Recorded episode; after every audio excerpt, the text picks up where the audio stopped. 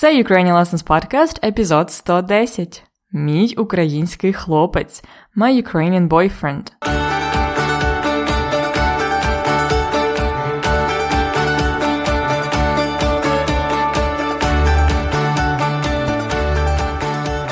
Привіт-привіт!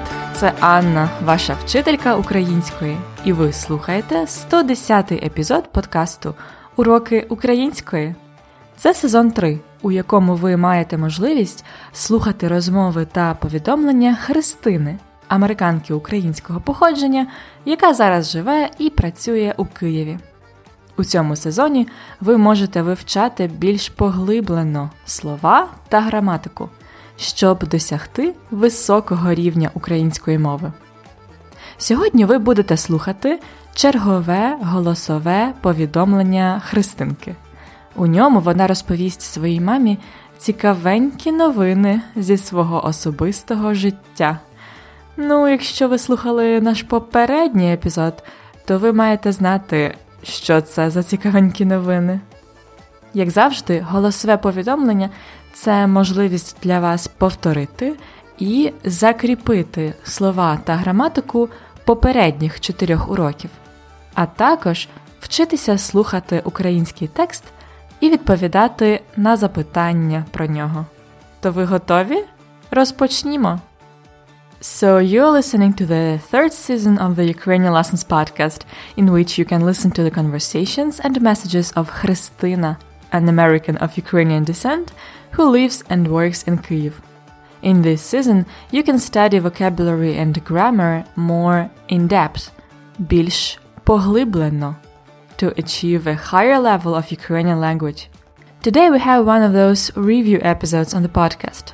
You will listen to the voice message of Христина to her mom and will be able to повторити і закріпити review and consolidate the words and grammar from the previous four lessons. То ви готові? Розпочнімо!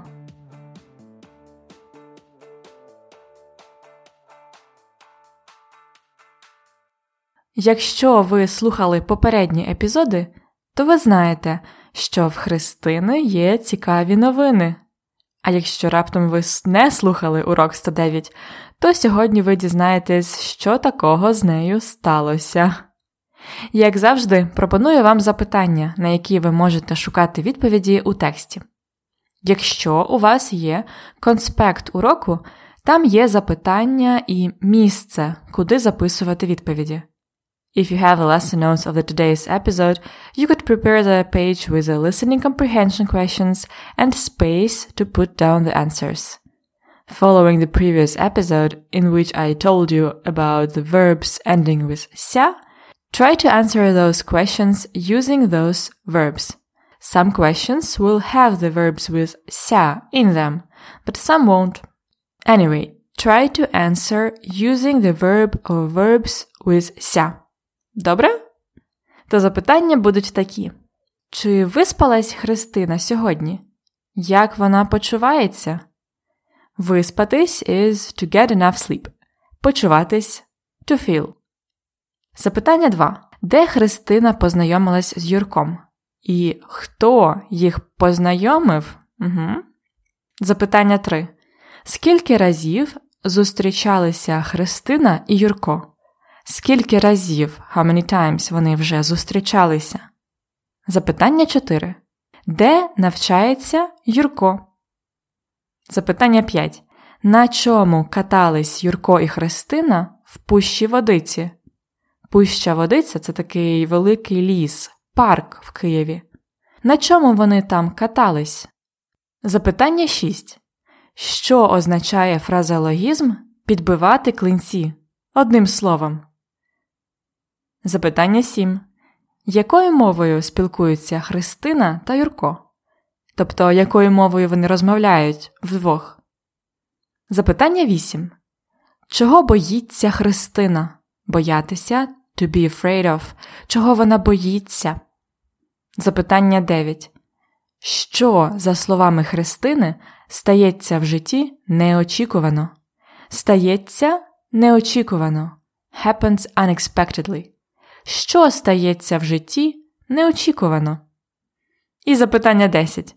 Чому Христина закінчує чи завершує повідомлення?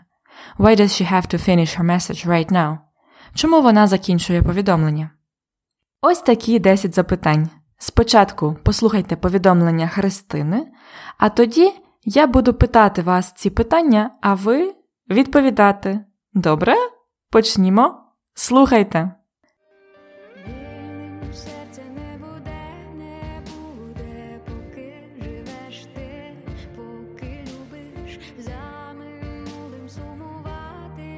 Доброго ранку тобі, матусю.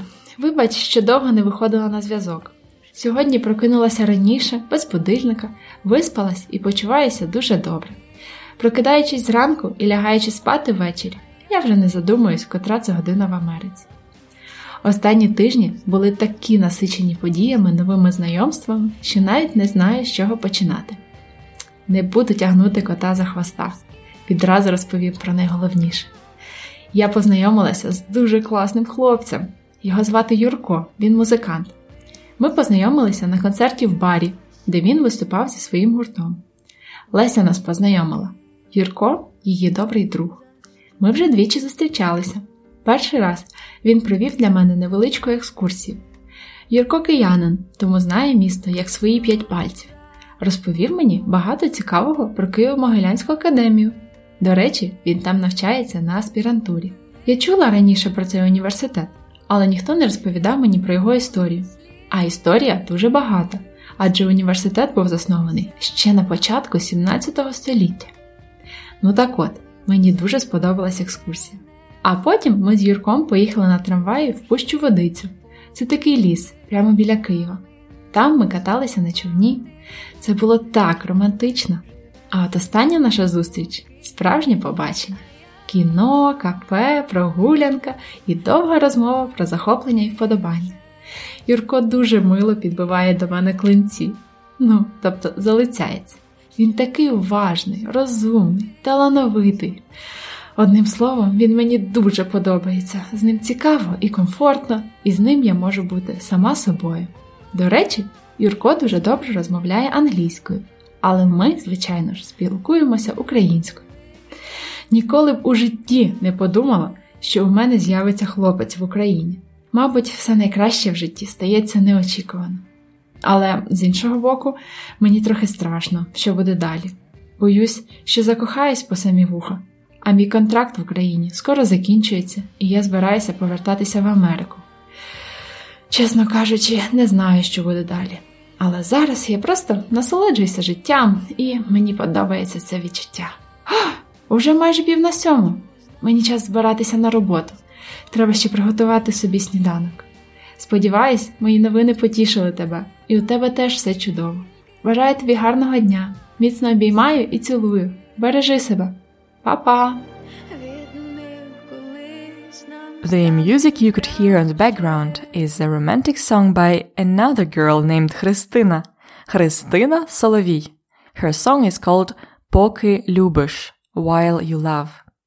Ось таке повідомлення. Як воно було вам? Просто? Складно? Ви можете прочитати сам текст у конспекті уроку. А зараз спробуйте відповісти на запитання. Номер один. Чи виспалась Христина сьогодні?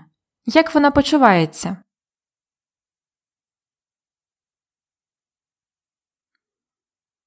То чи виспалась Христина? Так, вона виспалась і почувається добре. Прокидаючись зранку і лягаючи спати ввечері, вона вже не задумується, котра це година в Америці. Прокидаючись і лягаючи, це дієприслівники. Waking up in the morning and going to bed in the evening, she no longer wonders what time it is in America. Прокидаючись зранку і лягаючи спати ввечері, вона вже не задумується, котра це година в Америці. Тому вона добре почувається. Запитання 2. Де Христина познайомилась з Юрком? І хто їх познайомив?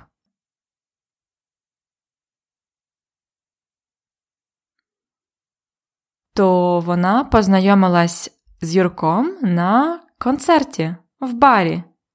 Їх познайомила Леся. Христина каже: Я познайомилась з дуже класним хлопцем. I met a very cool guy. Познайомитись з плюс орудний відмінок. Христина познайомилась з дуже класним хлопцем у барі. Номер 3. Скільки разів зустрічалися Христина і Юрко?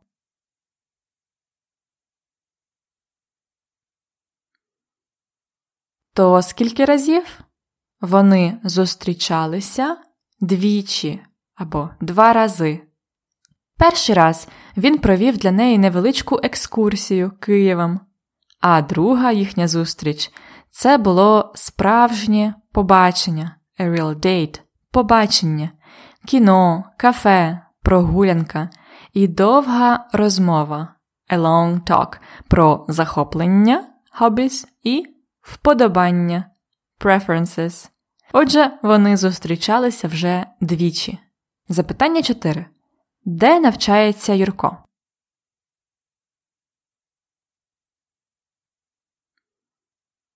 Він навчається у Києво-Могилянській академії на аспірантурі. Пам'ятаєте, як ще називають Києво-Могилянську академію? Коротко.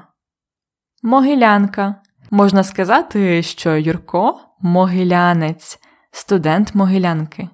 До речі, я теж могилянка, студентка могилянки. Це найкрутіший університет. А тепер запитання 5. На чому каталися Юрко і Христина в пущі водиці?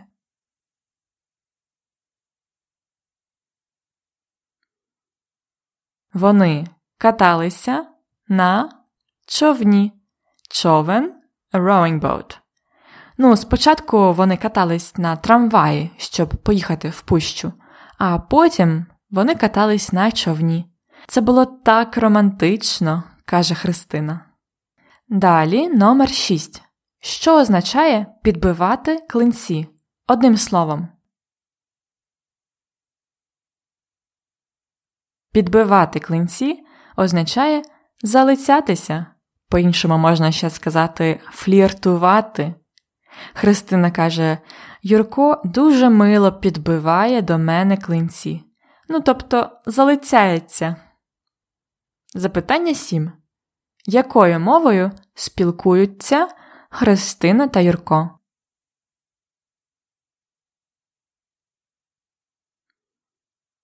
То якою мовою вони спілкуються?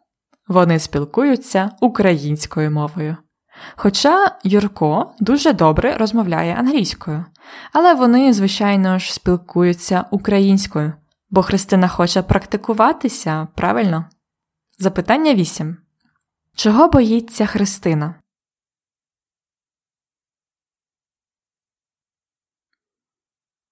Чого вона боїться?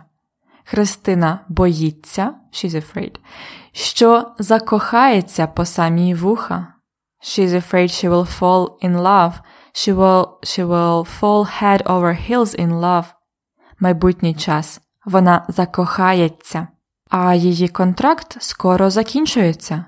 But her contract in Ukraine is coming to an end. І вона збирається повертатися в Америку. And she's going to return to America. Христина боїться, що закохається по самі вуха, а її контракт скоро закінчується, і вона збирається повертатися в Америку. Угу. Запитання 9. Що, за словами Христини, стається в житті неочікувано?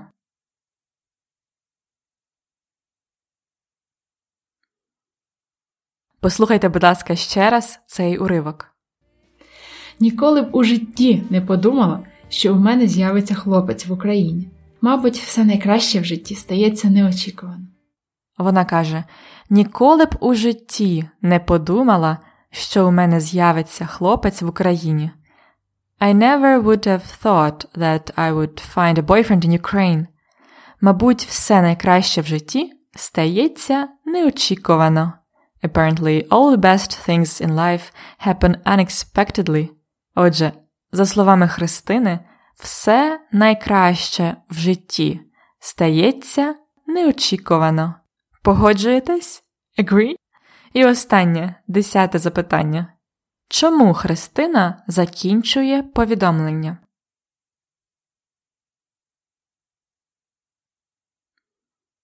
То чому вона закінчує? Бо їй треба збиратися на роботу. She has to get ready for work. Їй треба збиратися на роботу. А ще треба приготувати собі сніданок. Тому Христина прощається з мамою, каже міцно обіймаю і цілую. Бережи себе. Take care. A common way to finish a message to a close person.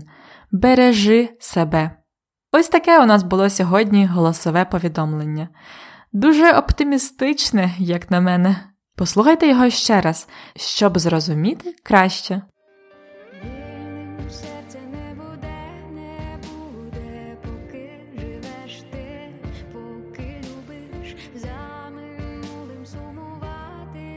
Доброго ранку тобі, матусю.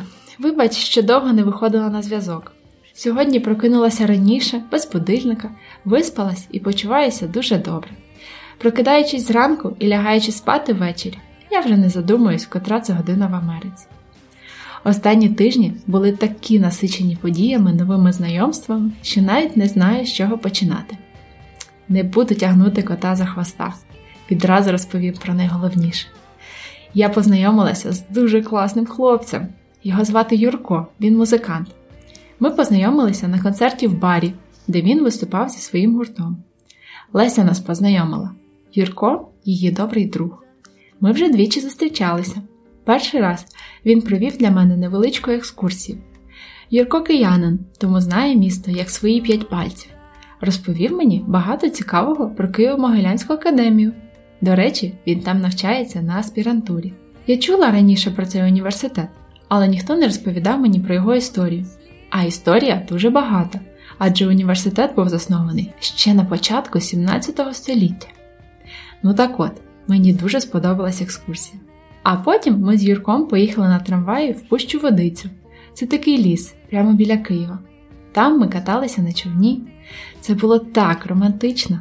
А от остання наша зустріч справжнє побачення. Кіно, кафе, прогулянка і довга розмова про захоплення і вподобання. Юрко дуже мило підбиває до мене клинці, ну, тобто залицяється. Він такий уважний, розумний, талановитий. Одним словом, він мені дуже подобається. З ним цікаво і комфортно, і з ним я можу бути сама собою. До речі, Юрко дуже добре розмовляє англійською, але ми, звичайно ж, спілкуємося українською. Ніколи б у житті не подумала, що у мене з'явиться хлопець в Україні. Мабуть, все найкраще в житті стається неочікувано. Але з іншого боку, мені трохи страшно, що буде далі.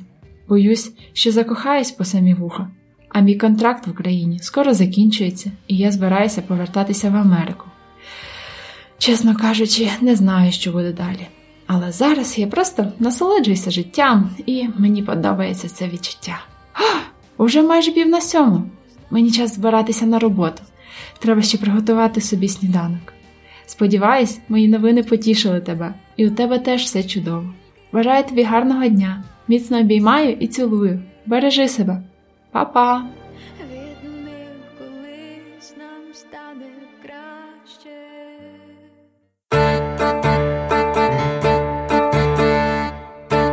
Дієслово дня. Послухайте, будь ласка, уривок повідомлення з дієсловом дня. Чесно кажучи, не знаю, що буде далі. Але зараз я просто насолоджуюся життям, і мені подобається це відчуття. Христина каже: чесно кажучи, не знаю, що буде далі. Honestly, I don't know what will happen next.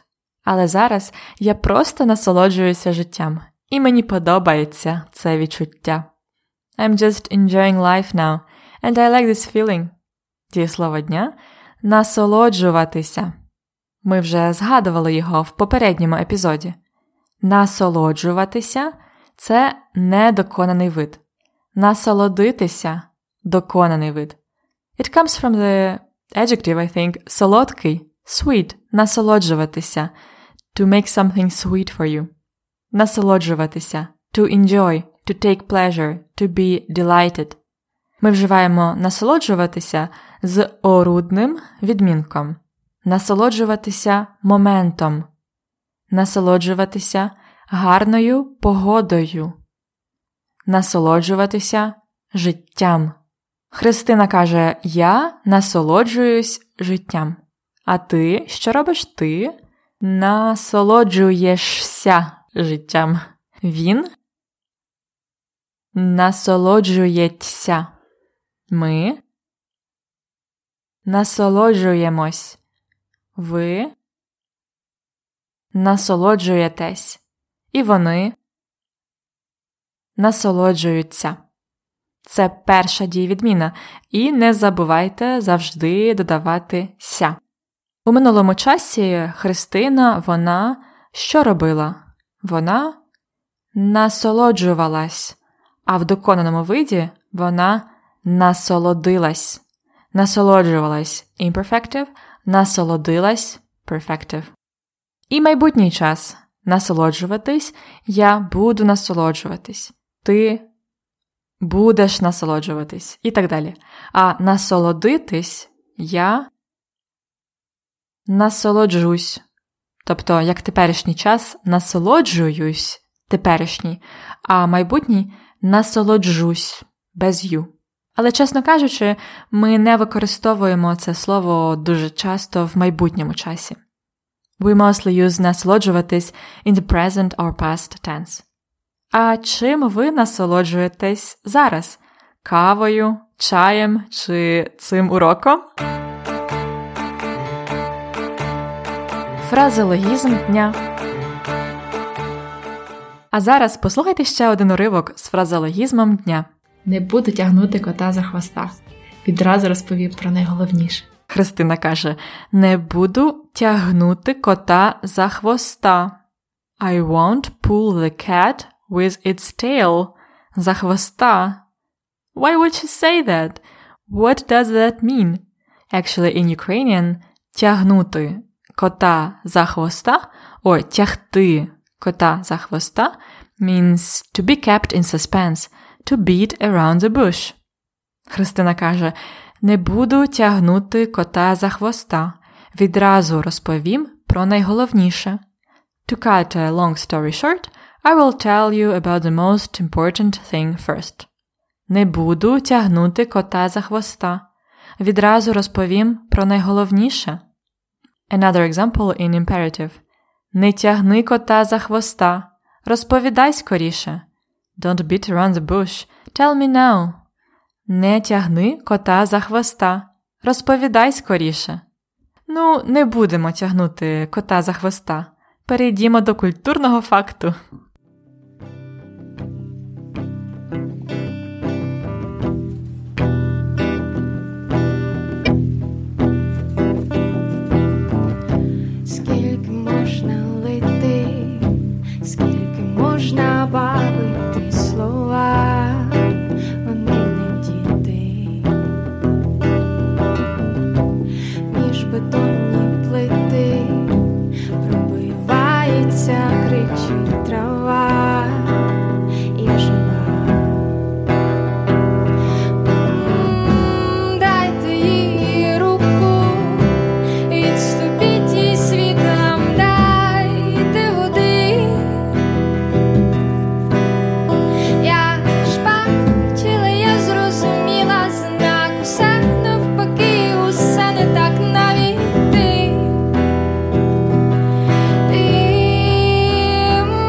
Культурний факт на подкасті. Last time in the cultural fact section we talked about the Ukrainian fiction literature about love. This time I would like to share with you the most romantic Ukrainian music. Again, because many Ukrainians have sentimental souls, we have plenty of love songs. You've heard today Christina Solovey, who is a very popular singer in Ukraine right now. She has many melodic, romantic songs. And now on the background, you can hear the Ukrainian band Один в каное. The song Пообіцяй мені. Promise me.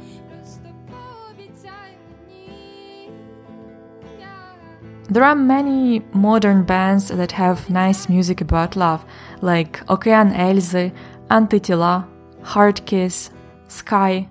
But also today I would like to mention some songs that have been popular in Ukraine not for years, for centuries. These are the songs everyone knows in Ukraine. Many people know even the lyrics by heart. I have selected three special songs that I remember my grandmother was singing during some celebrations or just at home. The first song is called Ой чий то кінь стоїть, literally, whose horse is standing there. It's about love of a man to a woman. Another song is Ой у вишневому садку, in the cherry garden. This one is about love of a woman to a man. And one more is Горіла сосна, a pine tree was burning. This one is a must song during Ukrainian wedding. It's about a young girl who is saying goodbye to her hair because she's getting married, so she will have to hide her hair from now on. The song is very, very sad. Everyone cries singing it. As you can see, Ukrainians are quite sentimental, so if you want to understand our culture better and learn a couple of new words, listen to those songs. I will leave the YouTube links for you at ukrainianlessons.com slash episode 110.